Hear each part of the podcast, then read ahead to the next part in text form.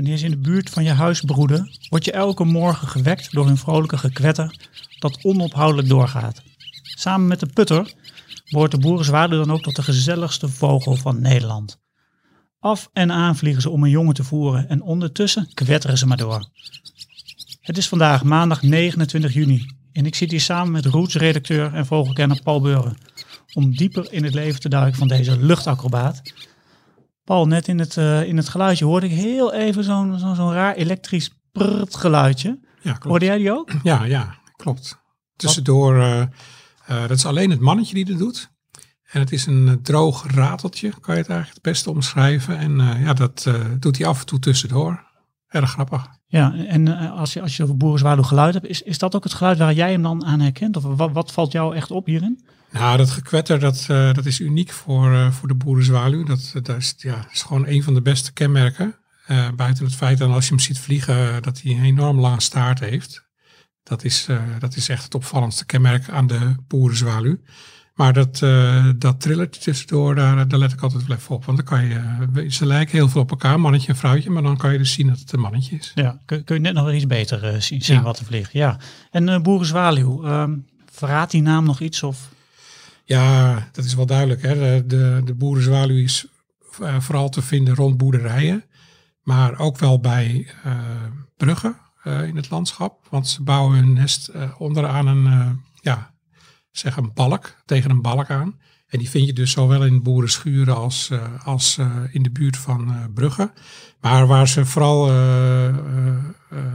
ja, op afkomen zijn de vliegen. En vliegen en muggen. En ja, die vliegen die zitten vooral ja, bij koeien in de buurt. Hè, op uh, koeienvlaai, maar ook bij de koeien zelf. Ja, dat is eigenlijk waarom ze dus graag in de buurt van boerderijen broeden. En dan met name in een schuur. Er moet wel één ding uh, uh, zijn. Dat raam moet open blijven staan altijd. Of de deur. Want anders komen ze natuurlijk niet bij hun nestje. Dus dat is wel een voorwaarde. Dat hij daar gaat broeden. En de naam verhaalt natuurlijk al boerenzwaluw. En in het, in het Engels heet die barn swallow. Dus ook schuur, zwaluw eigenlijk. Dus ja, het is wel een uh, goed gekozen naam, vind ik zelf. Ja, en even over dat raampje wat open moet, dat is, uh, want ze gaan dus altijd binnen hun nest maken, nooit, nooit aan de buitenkant. Nee, ze bouwen altijd in een gebouw of onder een brug. Dus als hij in dat gebouw, hè, paardenmanege bijvoorbeeld, daar uh, broeden ze heel veel in. Ja, daar staat natuurlijk die deur van die staat altijd wel open, zo'n staldeur. Maar dus in een schuur moet dus altijd een raam of stuk zijn of openstaan, want anders dan komt hij inderdaad niet bij zijn nest. Nou, mooi verhaal. We gaan dus naar buiten om te luisteren naar de boerenzwaluw.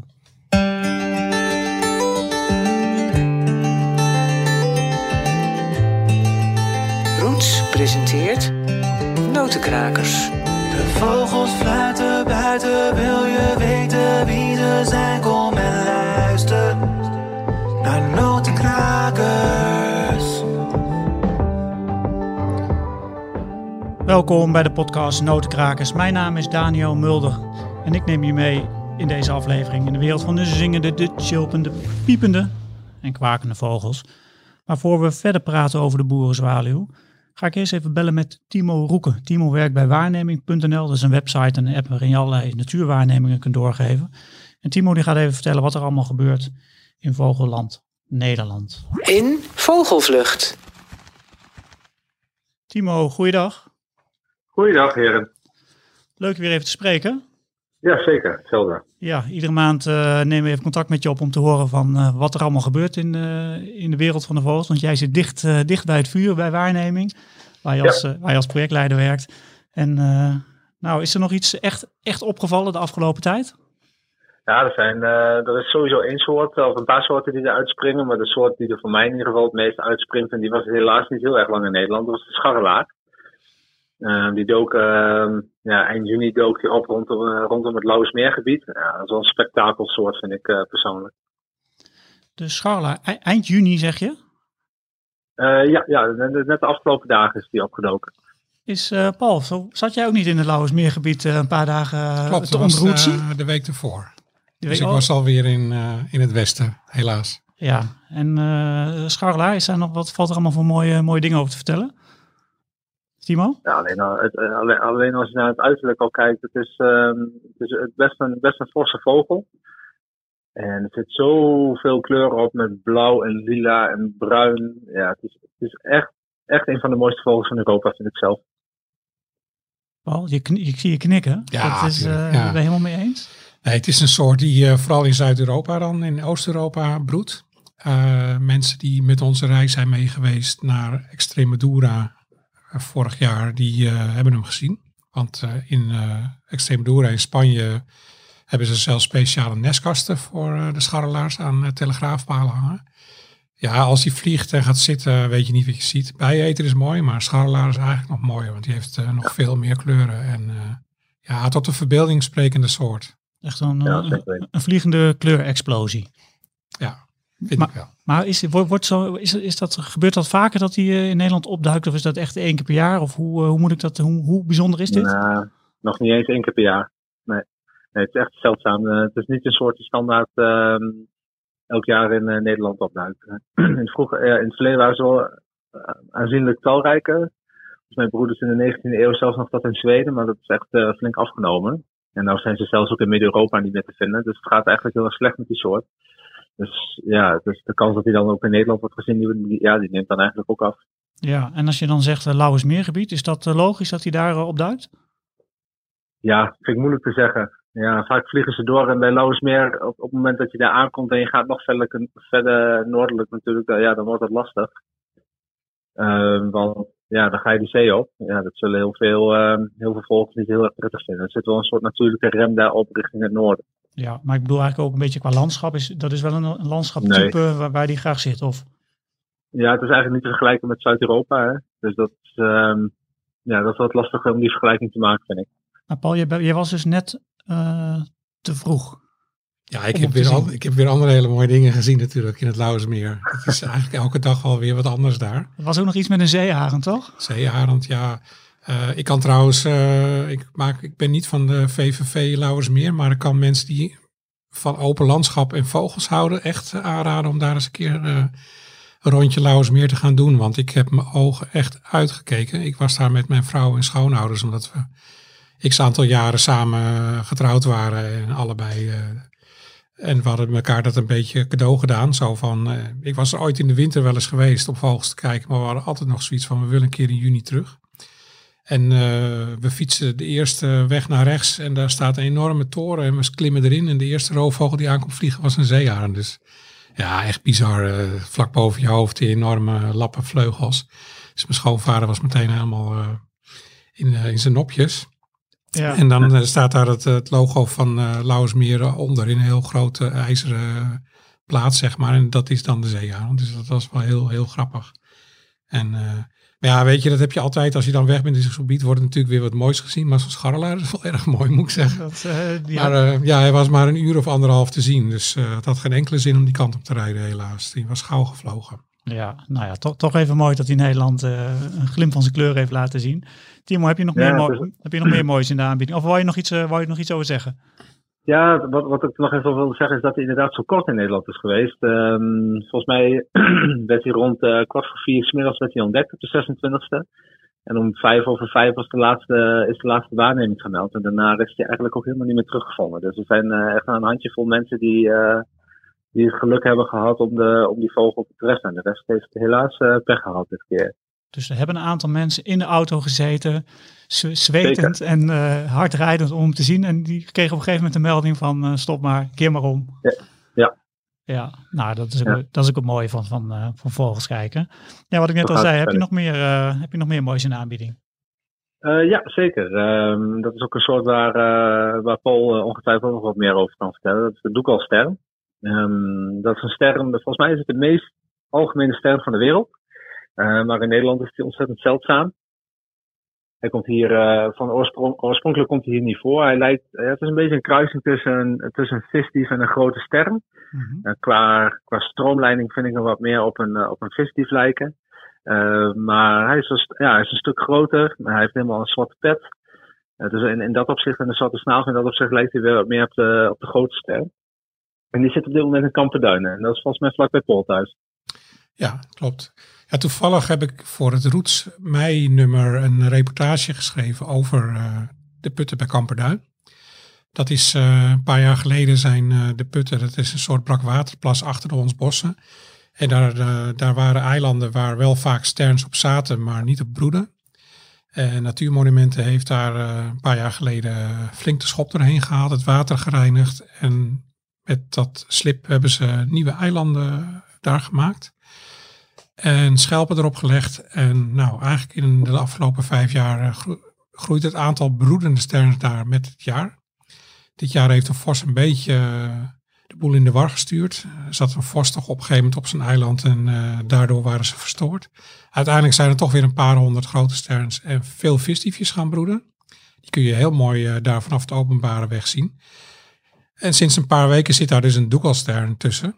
En eh, die heeft een heel apart gedrag. Als je een tijdje gaat zitten, dan eh, soms zit hij verscholen tussen de sterns en opeens vliegt hij op. En dan pakt hij dus van een visdief eh, visje af. Dus die visdief is op zee eh, voor zijn jonge vis gaan vangen. Komt aanvliegen, moeder zit te wachten, jong zit te wachten. En hoppa, daar is de doekelstern weer. En die, ja, in werkelijk een paar seconden weet hij gewoon die vis af te troggelen. En En dat gaat zonder, eh, zonder slag of stoot? Of is nou het, hij vliegt er even achteraan en eh, hij maakt zich even groot. En het, eh, zo enorm groot is hij niet eens. Maar ja, hoe hij het voor elkaar krijgt, weet ik niet. Maar blijkbaar zijn ze toch bang van hem. Mhm. Hij heeft een hele lange staart, die spreidt hij dan uit. En ja, vervolgens laat die visdief dat visje vallen. En ik dacht in het begin van, nou, dat is gewoon toeval. Dat doet hij een keer. En, maar het is nu zelfs zo dat mensen hem er daardoor juist... Hè, er zitten natuurlijk duizenden sterren, haal die ene er maar eens uit. Mhm. En, eh, maar daardoor valt hij dus heel erg op. Hij fladdert wat meer. Hij vliegt meteen achter zo'n visdief aan. Wat geen enkele andere vogel eh, dan een meeuw bijvoorbeeld het zal doen. En dan zie je een stern achter een andere stern aan. En, eh, ja, het is eigenlijk gedrag wat je bij roofmeeuwenjagers normaal is. Die, die ook in het najaar boven de zee achter de sterns aan vliegen tot, totdat ze een visje laten vallen. Maar deze doekalstern doet, doet het dus standaard ook. En ja, met name de laatste dagen zit hij dus steeds in de kolonie. Hij vliegt ook bijna niet meer naar zee, want hij pakt gewoon steeds die visjes af. Ja, Timo, herken, herken je dat verhaal? Wat, wat Paul, heb je dat ook wel eens gezien? Of? Ja, ik heb, het, ik heb de soort zelf nog nooit in Nederland gezien. Ehm, zoals jullie inmiddels weten woon ik eh alles behalve aan de kust.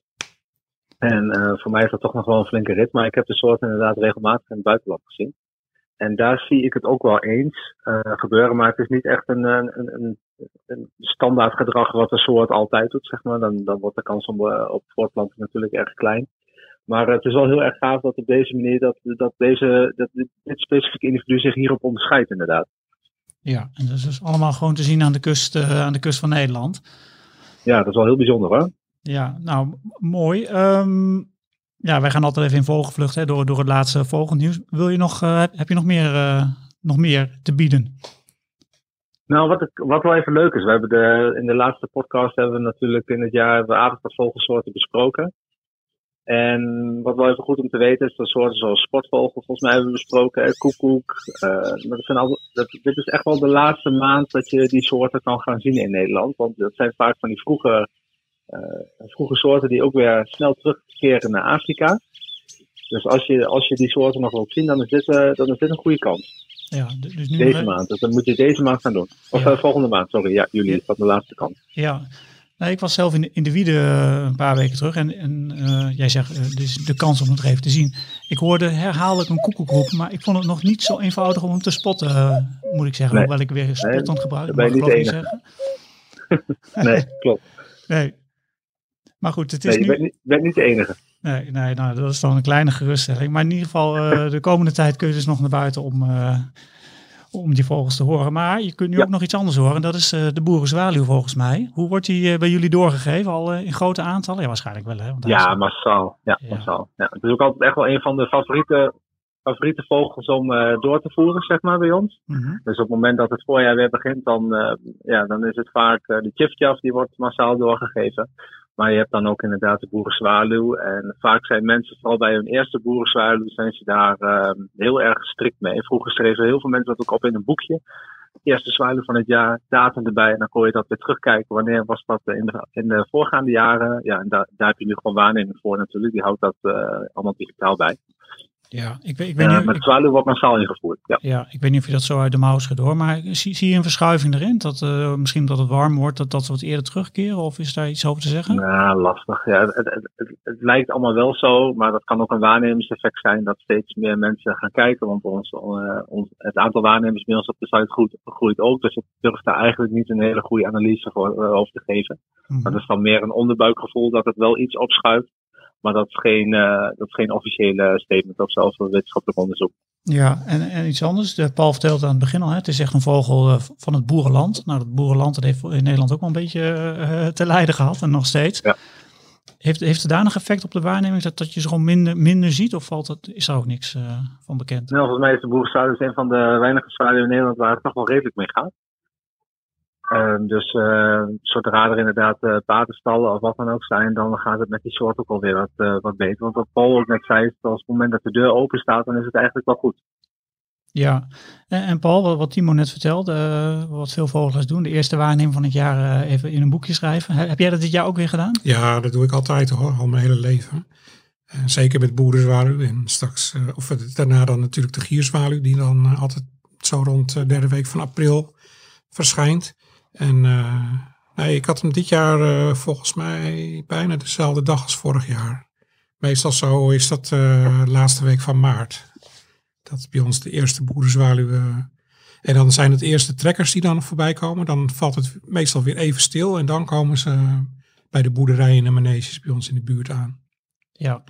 En Timo, Ja, weet, weet je, eh, ja, sorry. Ze vliegen inderdaad helemaal door richting natuurlijk ook Scandinavië, daar broeden ze ook nog. Eh, dus de vogels die hier, die je hier heel vaak vroeg ziet, die vliegen vaak wel door naar het noorden. Dus inderdaad, wat Paul zegt, dat klopt eh, precies. De eerste waarnemingen en dan eh, valt het heel even stil en dan komen vaak onze eigen boerzwaluwen terug. Ja, nog, nog heel even over die doortrekkers. Want ze komen, ze komen van ver. Ze hebben al heel wat kilometers achter de rug. Je zou zeggen van Nederland een, mo- een mooi moment om te stoppen. Maar hoe ver naar het noorden vliegen ze door dan? Ja, volgens mij wel richting de Pool, Poolgrens, als ik me niet vergis. Paul, eh, jij, jij knikt. En zijn ja, dat dan... het komt eh, heel hoog noordelijk nog voor eh, waar gebouwen staan. En dus echt tot het hoogste noorden. Dus dat klopt inderdaad. Ja, en hoeveel kilometer hebben ze dan achter de rug? Want ze komen uit Zuid-Afrika Nou, toch zo'n beetje. Dan hebben we het over 9, 10.000 kilometer of zo. Ja, de meeste vliegen over de Sahara door helemaal tot Zuid-Afrika. Mhm. En het is wel een trend te zien dat er steeds meer in Zuid-Europa blijven hangen in, eh, in de herfst. Dus dat ze niet meer helemaal doorvliegen. Dus daar verschuift ook wel weer, eh, weer wat in. Maar de meeste uh, zwaluwen, broederzwaluwen vliegen inderdaad door tot, eh, tot helemaal in Zuidelijk Afrika aan toe. Ja, echt bizar ver. Dus- Ja, oké. En eh, Timo vroeg Paul straks ook al even. En eh, ook voor, onze luisteraars om een handvat te bieden. Die niet zo bekend zijn met de zang van de boerenzwaluw. Waar let Mhm. jij op als je het hoort? Of zit het zo diep in je vezels dat je het gewoon herkent en eigenlijk niet eens meer echt registreert? Ja, dat sowieso. dus dat is wel vaak een nadeel als je zaken wilt eh, beschrijven. Maar het is wel echt dat, knetterende, dat vind ik toch wel heel typerend voor eh, de boerenzwaluw. Ja, Dus je- het klinkt haast elektrisch. dus een beetje elektrisch geluid. Daar moet je op letten als je in, eh, door, door het boerenland wandelt of fietst. Ja. Nou, nou dan, dan gaan we dat doen. Timo, dankjewel voor je, voor je verhaal en voor de, voor de, voor de mooie soorten die je hebt, eh, hebt gedeeld. Graag gedaan. Oké, nou, we gaan een zomerstop in, hè? Dat, eh, dat weet je. Dus we, spreken je pas eh, over eh, bijna twee maanden weer. Fijne vakantie, heren. Waar ga je ja. naartoe, Timo? Weet je het al? Ja, ik, ik houd eh, ook gezien de omstandigheden met coronaperikelen en zo, hou ik het eh, keurig hier aan eh, Nederland. Dus ik ga richting de Hoge Veluwe. Leuk. Ehm, dus ik eh, ga daar genieten in de buurt van Apeldoorn eh, op de camping. Ja, leuk man. Nou, wie, wie weet zie je nog een wolf. Ja, wie weet. En dan, eh, ga ik daar zeker over vertellen in de volgende podcast. Ja, vooruit, dat mag dan voor één keer als je hem ziet. Oké, hartstikke goed. Oké, fijne vakantie en eh, tot later. Tot later. Hetzelfde. Hoi. Doei. Hoi. Ik sprak net met eh, Timo Roeken van waarneming.nl. En iedere maand vertelt hij in de podcast Notenkrakers eh, wat er allemaal wordt gezien in Nederland en vogels. En we hebben het gehad over de scharrelaar, wat een, eh, een bijzondere kleurrijke vogel is. En waar eh, Paul, en, Paul en Timo zeer enthousiast van werden. We hebben het ook gehad over de, de Dougal-sterren. Een bijzondere ster die bij Paul in de buurt in Noord- Noord-Holland eh, zit. En we hebben het natuurlijk gehad over, over de boerenzwaluw. En nog, ook nog even over de soorten die je allemaal nog kunt luisteren. Waaronder de koekoek en de spotvogel. Dus je kunt ze nog luisteren de komende, de komende weken. Dus eh, ga er lekker op uit.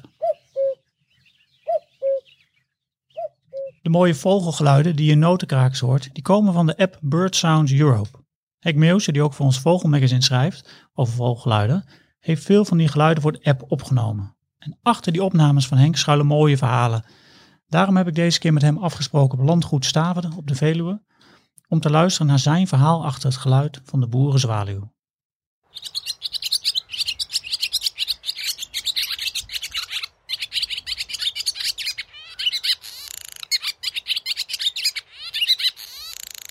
Henk, wat horen we hier allemaal? De zomer. Een lange zomer. Ja, en dan moet jij natuurlijk vragen waarom lang? De boerenzwaluw die is echt, nou die, die kun je eind maart al horen zingen.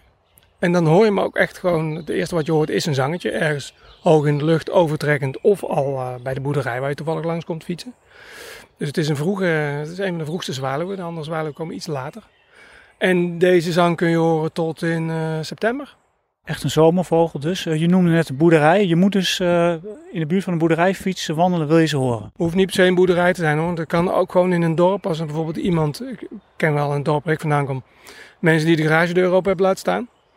En de, de, de auto buiten hebben staan. Nou, als je geluk hebt, pech zeggen sommige mensen, want dan poepen op de auto als hij dan toch de garage moet. Dan heb je een broedende boerenzwaluw in je garage. Dus het kan uh, um, midden in de stad niet. Maar in het landelijk gebied en, en vaak boerderijen. Dus dan kunnen ze echt met wel 10, 20 in de stal broeden. En is dit een geluid uit je jeugd of heb je hem later ontdekt? Um, dit is nou typisch zo'n zo'n vogel uh, die er voor mij bij hoort als een koe of een schaap of een hond of een kat. Dat, is niet, dat heb ik niet geleerd als vogelaar. Ik ben opgegroeid op een boerderij. En vanaf jongs af aan waren die beesten er gewoon. Dus niemand die mij ooit heeft uitgelegd dat het een boerenzwaluw was. Er werd gewoon gesproken over boerenzwaluw alsof het een, nou ja, alsof het kip was. Maar dan is dat geluid zit gewoon helemaal in je vezels van je lichaam. Als je een boerenzwaluw hoort, hoef je feitelijk niet eens na te denken. Nee. Dat, dat, dat, is er gewoon. Nee, daar hoef ik nooit over na te denken. Daar ben ik helemaal mee opgegroeid. Maar als je daar moet gaan opnemen, daar moet je natuurlijk wel een studie van gaan maken. Of dan moet je gewoon geluk hebben. En zo ben ik eigenlijk altijd bezig van, hoe ga ik een keer een mooie boerenzwaluw opnemen? En ik had een keer in, uh, uh, hoe heette die brug nou ook weer? Ergens bij de Flevopolder zaten in zo'n nisje te, te zingen. Alleen dan had je de echo van de brug en de echo van het nisje. Dat, op zich zou je zeggen dat past bij een boerenzwaluw. Die zit vaak in een stal te zingen. Maar ik was een keer in Zweden voor opnames. En dan uh, logeerde ik bij een boer. En daar zat dus een, uh, een te zingen op zo'n echt zo'n Zweeds hek. Bij zijn boerderij, op zo'n boerderij. Toen dacht ik, nou ja, dat is dé plek. Dus toen heb ik een uh, 60 centimeter onder die zangplek. heb ik een microfoon geknoopt. En dan gewoon zitten wachten totdat die, uh, tot die boerenzwaluw gaat zingen. En dat duurde af en toe even. En ik had de pech dat de zangpost van die boerenzwaluw, die zat vlak bij de schuur, de garage. Nee, de schuur van die boer. En daarin had hij zijn elektriciteitskastje staan uh, voor de elektriciteitsraad rond zijn weiland. En die geven iedere seconde een tik. Dus toen zei ik tegen Peter, ik kende Peter uh, wat langer. Um, mag die stroom uh, er even af, want dan kan ik ongestoord die boerenzwaluw opnemen. Nou, dat mocht wel even. Dus ik heb de microfoon erbij gezet. En echt wel, uh, nou, het begon goed te gaan. Tot op een gegeven moment over een koeien hoorde loeien. En Peter riep, Henk, de stroom moet er terug op. Want de koeien zijn uit het weiland gebroken en lopen nu door de moestuin. En ondertussen komen er een stel mountainbikers even voorbij fietsen. Dat klinkt helemaal niet als een boerenzwaluw. Nee. Ja, ook dat. En nu horen we ook nog pauwen. Het is bal in het bos, Henk. Volgens mij, die, die uh, mountainbikers, die weten wat ze moeten doen om die pauwen aan de gang te krijgen. Hoor je dat? Ze doen gewoon een na en die pauwen reageren. Nou ja, maar dit is de realiteit van geluidsopnames maken. Voor het geluid is het onhandig, maar we gaan even terug naar Zweden. Je, ja. was, uh, je, je, je, bent boerenzwaluw aan het opnemen. Een boer moet, uh, is met de elektriciteit in de weer. En dan? Nou ja, wat ik al zei, die koeien waren losgebroken. Zijn moestuin in waar allemaal vers geplante sla stond. Dus hij zei, die stroom die moet er terug op. En ja, ik kon natuurlijk niet zeggen dat ik dat niet wou, want ik was de gast bij hem. Dus hij zet die stroom er terug op. En ondertussen moest ik aanzien met mijn verrekijker dat die boerenzwaluw elke keer op die zangpost kwam zingen. En dat ik wist, ja, daar kan ik eigenlijk niks mee, want dat stroomapparaat knipte die, de hele opname in stukjes van een seconde. Dus, uh, maar toen, terug, toen ik terug luisterde, bleek die, ja, die eerste paar minuten die ik, uh, de stroom er nog niet op stond, dat ik deze opname had gemaakt. En nog een paar eh, mooie opnames. Ja, anders had ik eh, drie kwartier zingende boerenzwaluw gehad en nu vijf minuten. Nou ja, het is een goede opname. Dus de opname die we nu nog even gaan luisteren, die is zonder het getik van stroomdraden. Precies, dat was nog net voordat de koeien doorkregen dat ze eruit konden. Gaan we nog even luisteren.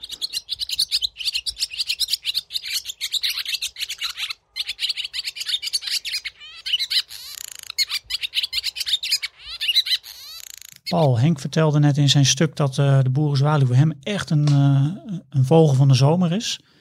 En nu heb je ook een uitdrukking dat één zwaluw geen zomer maakt. Dat klopt wel een beetje, hè? want je ziet zwaluwen eigenlijk nooit alleen. Altijd als je ze ziet, zie je ze in groepjes of, of, of nog meer. Ja, dat, dat van die uitdrukking van eh één zwaluw maakt nog geen zomer, dat, ja, dat is gewoon een uitdrukking. Het kan best zijn dat je de eerste zwaluw alleen ziet. Want als ze op trek zijn in het voorjaar, dan, dan zijn ze vaak toch alleen. Maar zwaluwen zijn wel echt ontzettend sociale vogels die eh, ja, vaak op korte afstand van elkaar broeden. Ze, eh, ze velen elkaar gewoon. En ja, waarschijnlijk heeft dat toch wel echt te maken met eh, dat, dat het gewoon veilig voor ze is. Want als ze in groepjes rondvliegen, dan zijn ze ook gewoon beducht op, op hun vijanden. En dat zijn er best wel een paar. En die, ja, die hè, als het een seconde lang eh, even niet opletten en er komt gewoon een, eh, een boomvalk aan, ja, dan is het gewoon gebeurd met zo'n beest. En, eh, dus daar zijn ze heel erg alert op. En ze broeden dus ook wel bij elkaar in de, de, nesten vlak bij elkaar op goede plekken waar veel voedsel is. Dus ja, het zijn gewoon gezellige beesten die, die heel graag bij elkaar in de buurt leven. Ja, en, en als ik ze nou wil, wil zien en ook wil horen natuurlijk, waar moet ik dan naartoe in Nederland? Is gewoon ieder, eh, ieder stuk land waar een boerderij staat, zitten ze daar of hoe, hoeveel kans maak ik erop? Ja, in feite is het gewoon heel, heel erg verspreid over Nederland dat je boerenzwaluwen hebt. Eh, ze zitten inderdaad eh, ja, heel veel onder bruggen, waar, waar gewoon flinke balken onder liggen. Natuurlijk bruggen met name ook die, die niet al te vaak open gaan. Sluizen, maar dan echt vooral bij maneges moet je, kan je het beste zoeken. Maneges en koeienboerderijen. Daar eh, die gewoon stallen hebben en schuren. Daar eigenlijk heeft elke, elke schuur of stal wel, eh, wel eh, één of meer paren zwaluwen. Dus ja, en dan is het gewoon zaak om je oren lekker open te zetten. Je hoort ze vaak al van verre. Ze zitten vaak geregeld op plekken waar, waar ze uitrusten. Hè? Bijvoorbeeld draad of het dak van een schuur. Of waar ze gewoon lekker even kunnen zitten, met elkaar kunnen kwekken. En dan vliegen ze weer. Dus eh, het is ook zo dat als je gewoon buiten wandelt, eh, met name wat later in het seizoen, dat, je, dat de jongen zijn uitgevlogen. Dat ze vaak de jongen zitten te wachten en nog gevoerd worden door pa. Dus dan zitten ze gewoon lekker op een lijntje ergens eh, te wachten. En dan ja, kun je er gewoon vlakbij gaan staan. En kun je gewoon wachten tot pa en ma met een vliegje aankomt. En ze prachtig bekijken. Ja, en wat ik me nou even, nu jij dit allemaal zo vertelt, afvraag. ehm, ik, zie ze eigenlijk altijd vliegen. Ik zie ze niet zo heel vaak eh, zitten. Zingen ze ook tijdens het vliegen? Ja, zeker. Ja, zeker. Vooral tijdens het vliegen. Maar ook als ze zitten, dat maakt eigenlijk niet uit. Ze zijn gewoon heel druk. Eigenlijk de hele dag, van ochtends vroeg tot avonds laat, eh, wordt er gekwetterd. Soms denk je van, hoe vangen ze in godsnaam een mug want, eh, of een vlieg? Want ja, het kwettert gewoon eh, de hele dag door. Maar die pakken ze gewoon eh zigzaggend in de vlucht en eh, slaan ze even op in het keeltje. En eh, nou, dat gaat gewoon in één moeite door. Ja, die zingen gewoon met volle mond. Ja, volgens mij wel. Ja, en, en ehm, helemaal aan het begin hadden we het even over het eh, beroemde prrrtje, wat je even in, in het eh, geluid hoort. Hè? Jij zei van, nou, zo weet ik of het een mannetje of een vrouwtje is. Is dat ook te zien aan hun verenkleed? Nauwelijks. Nauwelijks. Ze lijken echt heel veel op elkaar. Hebben ja, het vrouwtje misschien iets minder fel qua kleuren. Maar ze hebben dus, eh, zijn over het algemeen eh, donkerblauw. Hè. Wanneer de zon erop schijnt, zie je meer een blauw-paarsige gloed over de veren. En schijnt de zon niet, dan is, lijkt het meer eh, gewoon donker. Maar wat opvalt is de, de roestrode keel. Die, dat is echt een kenmerk van de boerenzwaluw. En dan de hele lange staart, die in een, zoals vogelaars het noemen, gevorkte staart. Dus het is een, ja, de buitenste staartpennen zijn langer dan de binnenste. En die zijn ook nog eens een keer echt heel mooi eh, voorzien van een wit, eh, wit vlakje, wat per veer weer verschilt. Dus als ze de staart wat uitspreiden, dan, eh, dan zie je dat heel mooi. En het is echt een prachtig gezicht. Het zijn echt hele mooie, sierlijke vogeltjes om te zien. Maar even, een wit vakje, is dat een soort streepjescode wat je dan ziet? Of, ik, heb, ik heb het Ja, het is een gezien. soort, ze noemen dat een vlag, vlaggetje. In, maar elk veertje heeft gewoon een wit vlakje. Een soort, ja, hoe moet ik het zeggen, half cirkeltje. Mhm. En naar binnen toe wordt die gewoon wat breder. En eh, naar buiten toe wat smaller. Ik heb wel eens eh, zo'n zwaluw gevonden die eh, gevangen was door een boomvalk. En dan plukken ze de veertjes eruit. En dan zie je al die, al die veren kan je naast elkaar leggen. Het is echt een prachtig gezicht. Ja. En eh boerenzwaluwen, ik heb uiteraard even voorbereid, die staan op de rode lijst. Dus het gaat niet zo goed met ze. Dat betekent dat, het, nou, dat ze beschermd zijn volgens mij ten eerste, maar ook dat het niet zo goed met ze gaat. Heb je daar een verklaring voor? Nou, niet zo goed met ze gaat. Eh, ze Zeg zijn eigenlijk in het laatste deel van de vorige eeuw, zeg maar het laatste kwart, eh, zijn ze inderdaad achteruit gegaan vergeleken met de jaren 60, 70. Dan moet je toch gewoon denken aan eh, eh, dat die eh, boerderijen gewoon eh, eh, de intensiever landbouw zijn gaan doen. Eh, meer landbouw, minder koeien. Eh, nou ja, meer, eh, meer eh, ja, zakelijk, zeg maar, eh, met minder oppervlak. Eh, schuren die helemaal dicht zijn, eh, waar geen ramen meer openstaan. Dus het rommelige is er een beetje van afgegaan. En dat is voor die zwaluw natuurlijk wel, wel eh, ja, levensbehoefte, zeg maar.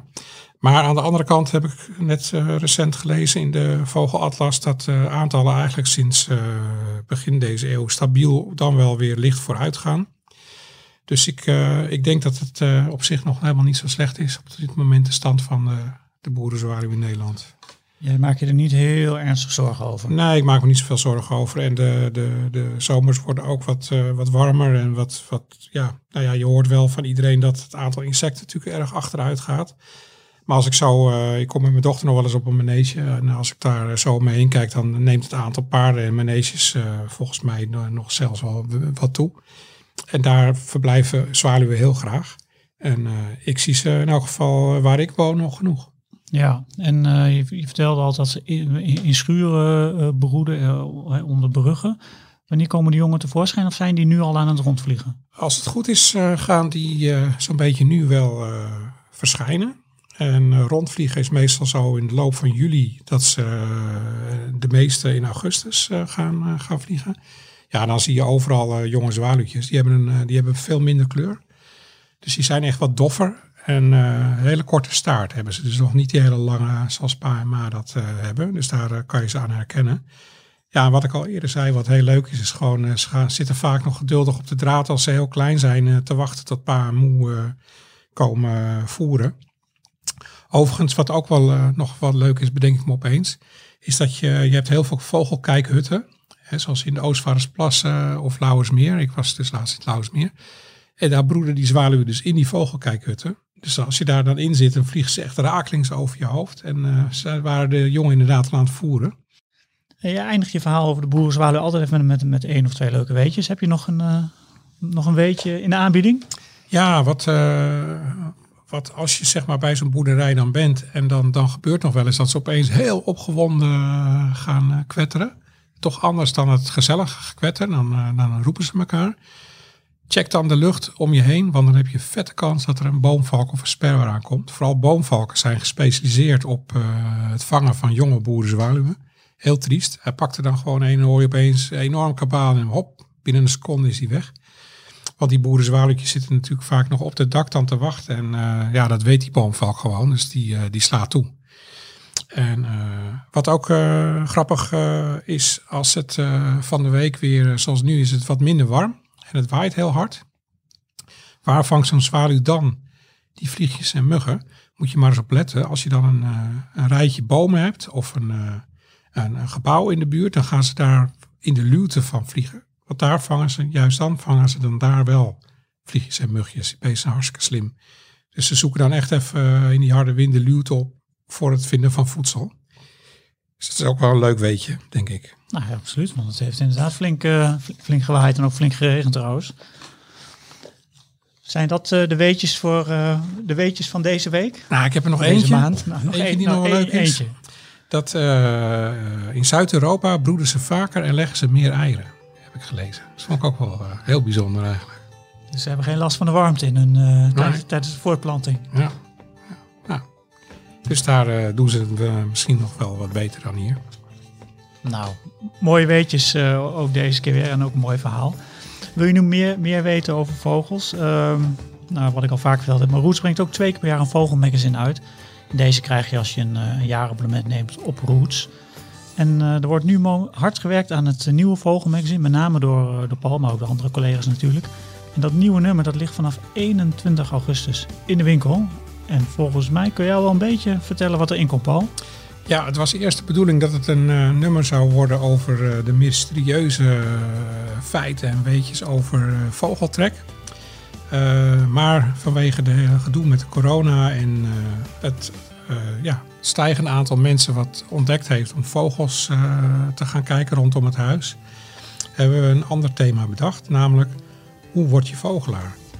En, ah, ja, dat klinkt alsof je dat gewoon kunt, kunt worden, alsof het een beroep is. Nou ja, daar heeft net Debbie Dodeman heeft daar net een uh, enorm onderzoek over gedaan. Die is dat? Een, uh, Debbie Dodeman is een vogelaarster die ook uh, heel veel dagtochten en vogeltochten op het IJsselmeer onder andere organiseert. Maar ook zelf heel veel doet aan vogelonderzoek. En zij heeft de afgelopen jaren meer dan duizend vogelaars gevraagd hoe zij vogelaar worden. Maar er zijn nu ook heel veel mensen bijgekomen die vogels kijken leuk zijn gaan vinden, die het echt ontdekt hebben. En dus wij vroegen ons af, hoe, hoe word je vogelaar? Zit het in genen? Kan je dat ook gewoon later leren? Hoe, doe je dat? Uh, je hebt het fenomeen local patch. Elke vogelaar heeft vlakbij zijn huis een gebiedje waar hij ooit zijn eerste bijzondere vogel heeft gezien. Of waar hij later gewoon als hij een uurtje over heeft nog naar terug gaat om te vogelen. We hebben tien vogelaars gevraagd om hun uh, eigen plek, zeg maar, uh, te verklappen. Hun, hun, lievelingsplek waar zij vogels ja, ja, ja. veel zien. Ja, en okay. het zijn dus niet de geëikte plekken zoals een Lauwersmeer of maar meer geheime, ja, geheime pareltjes. Mm -hmm. maar we hebben het ook bijvoorbeeld over de meest bizarre vogelfamilie waarvan eigenlijk iedereen een fan is. Pingwings. Er komt een fantastisch mooi boek uit, een nieuw boek van Otto Plantema. en die vertelt allerlei ontzettend leuke dingen die zelfs ik nog niet wist. Ja, en verder, uh, je hebt de buizerd in Nederland, die kent iedereen. Maar je hebt ook de wespendief. En straks, later in de herfst, verschijnt de ruigbootbuizerd. Hoe haal je die nou eigenlijk uit elkaar? Nou, dat zijn zo alvast... Uh, we hebben een artikel over, oh ja, het is ook heel leuk om nog even te noemen over uh, vogelveren. Hoe groeit dat? waarom zoveel verschillende... Hoe, hoe, kan het in godsnaam dat er een kolibrie zo waanzinnig veel mooi gekleurde veertjes zitten, enzovoort, enzovoort. Of een scharrelaar. Of een scharrelaar, ja. Ja. Nou ja kortom, uh, wordt weer een waanzinnig leuk nummer. Uh, ja, ik ben er nu al helemaal enthousiast over. Ik ben nu enthousiast. Nou, het klinkt ook uh, klinkt mooi en ook alsof het allemaal veel is en waar je heel veel kunt lezen. Nou, 21 augustus dus in de winkel en je kunt het nummer natuurlijk ook gewoon, gewoon bestellen. En dat kun je doen via rootsmagazine.nl. In deze rubriek stellen luisteraars vragen over vogels. Wat een vraag! Deze keer praten we, normaal gesproken gaat Paul Burre vogelvragen beantwoorden die wij van lezers krijgen. Maar we doen het deze keer even anders. Want we gaan bellen met, uh, met Monica Wesseling. Monica is een natuurjournalist uh, die voor heel veel titels in Nederland schrijft onder Dagblad Trouw. Ze schrijft ook wel eens uh, voor Roots en, en voor Staatsbosbeheer, Natuurmonument en noem het allemaal op. Monica weet zo'n beetje alles van de, van de Nederlandse natuur. En zij heeft een, een aantal mooie boeken al geschreven. En de laatste is Waarom heeft een vogel geen tanden? En dat is een boek waarin allemaal vragen staan over vogels. Uh, over vogels eigenlijk, hè? want het zijn alleen maar vogels toch? Monika, zeg ik dat goed? Ja, dat zeg je heel goed. Dit zijn alleen maar vogelvragen. Ja, en hoeveel vragen heb je beantwoord in je boek? Nou, dik honderd. Ik zou er eigenlijk honderd doen, maar kon weer eens niet stoppen. Nee, het aanbod was weer, of je, je nieuwsgierigheid was misschien wel groter weer dan... Uh... Ja, ja, ja, ja, ja, ja. Ja, en want wat ik al net al even zei in het intro, je hebt, je hebt meerdere uh, boeken natuurlijk geschreven. Dit, dit is je laatste. Wat, uh, waar ik wel even benieuwd naar ben, want die vragen verzinnen, dat is natuurlijk één ding, maar de antwoorden opzoeken, hoe, hoe ga je te werk?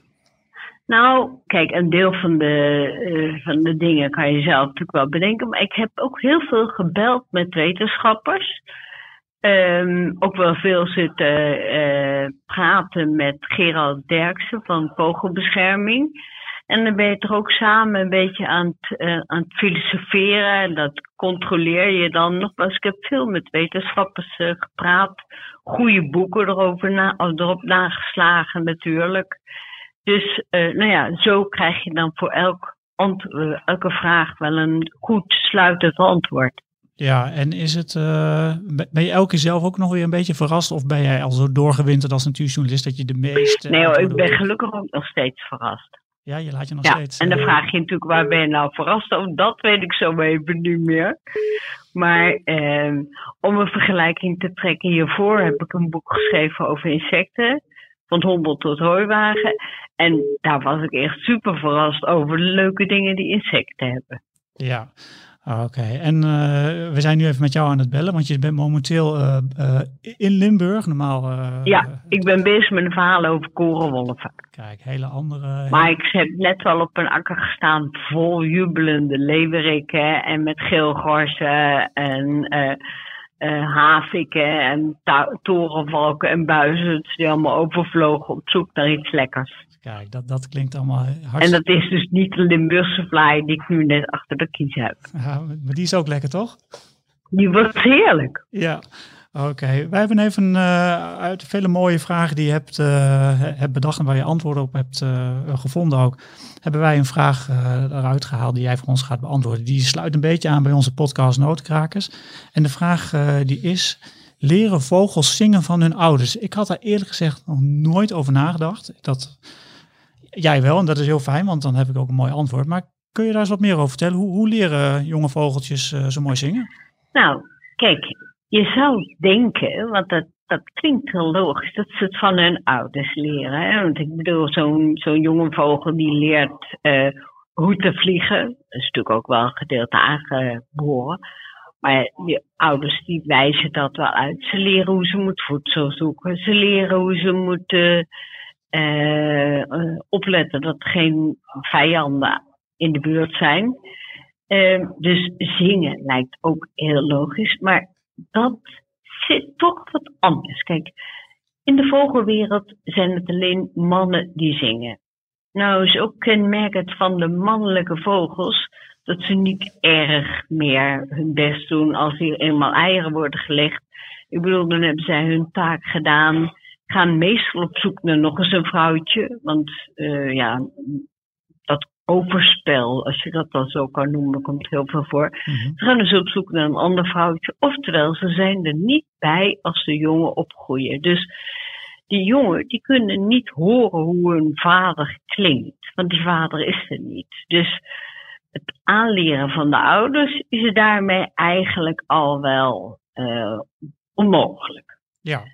Um, nou moeten die vogels dus wel leren, zou je denken. Maar ook dat valt nog mee. Want als jij een vogel uh, in isolatie op laat groeien, dat kun je dus in proeven doen, Mhm. dan blijkt hij wel degelijk te gaan zingen. Alleen de zang is niet compleet. En het mooiste kun je dat zien bij vinken.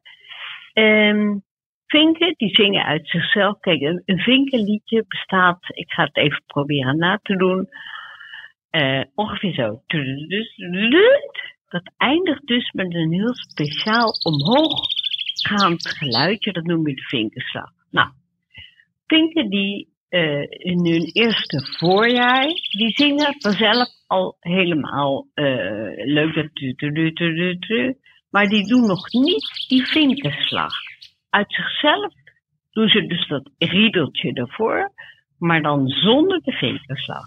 Je riedeltje is dus aangeboren. Dat, heb, dat, dat doet elke vink. Maar als hij dan het eerste seizoen buiten aan het fluiten is. En hij hoort die mannen, dus niet zijn vader, maar die mannen, die mooie vinkenslag erachteraan doen. Dan gaat hij dat zelf ook doen. Oftewel, het is een combinatie van aangeleerd en aangeboren. En het aanleren, dat stukje van aanleren, dat doen ze dus van willekeurige mannen en eh, niet van hun vader, zoals, behalve als die toevallig in de buurt is.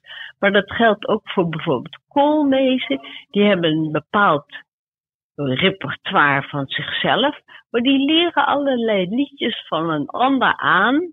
En verzamelen dat en mixen dat met hun eigen geluidjes, waardoor je een hele gevarieerde zang krijgt. Als je naar Spreeuwen kijkt, Spreeuwen kunnen bij wijze van, van spreken het, eh, het geluid van de telefoon aanleren en dat door hun eigen zang heen mixen.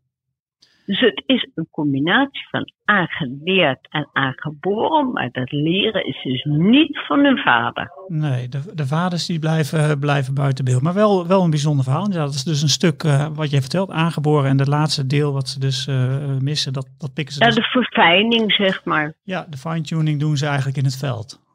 Ja, Ja, nou, mooi antwoord, eh Monica. Ik ben weer een, een stukje wijzer. En, mooi zo. Ja, nou, en in je boek heb je nog veel meer mooie vragen. Ik zie hier staan, heeft een vogel geen hoogtevrees? Hoe kan een pinguïn bij minder, min 40 graden broeden? Dat is inderdaad ook een eh, hele, hele goede vraag. En, en en waar eh, zeevogels hun drinkwater vinden, dat is ook een eh, intrigerende vraag. En eh, je hebt er mooie antwoorden erbij gezocht. Ja, wat misschien nog Ja. even leuk is om te melden, is dat ik Monica ook geïnterviewd heb voor het Vogelmagazine. En daar staan ook vijf eh, vragen in. Uit dit boek.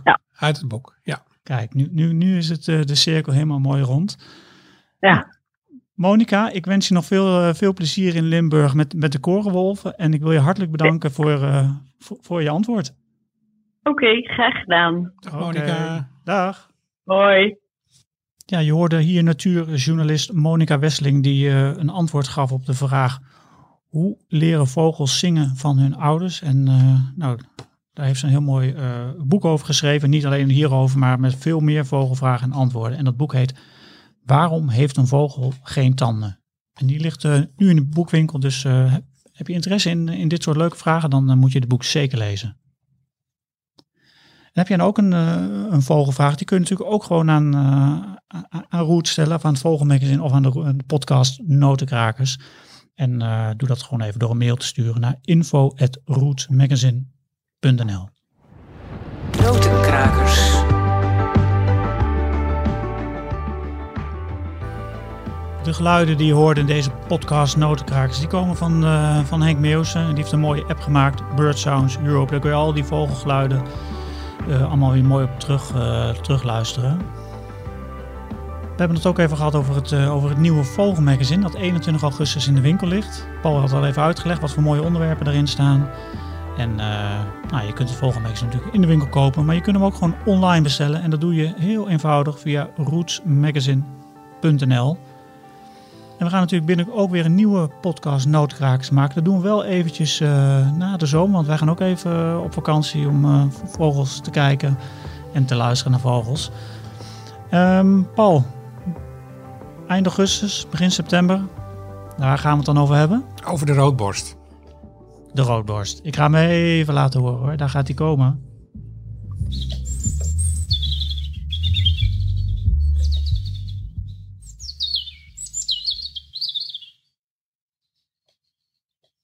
Was dat de roodborst?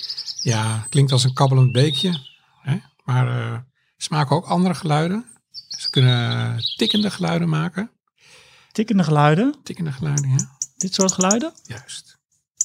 En waarom ze dat doen, dat vertellen we dan in die podcast. En eh, ja, het is natuurlijk een van de meest favoriete tuinvogels van Nederland. En er valt ontzettend veel over te vertellen. Ja, waarom gaan we begin september over de roodborst eigenlijk praten? Waarom niet een andere de, in de winter bijvoorbeeld? Nou ja, dan, dan eh, in september gaan ze weer binnenkomen uit het noorden. En eh, zitten ze bijna in elke tuin. Dus het is een heel mooi moment om... en ze zingen de hele winter door. Dus dat is natuurlijk ook wel heel bijzonder. Er zijn eigenlijk bijna geen andere vogels die dat doen.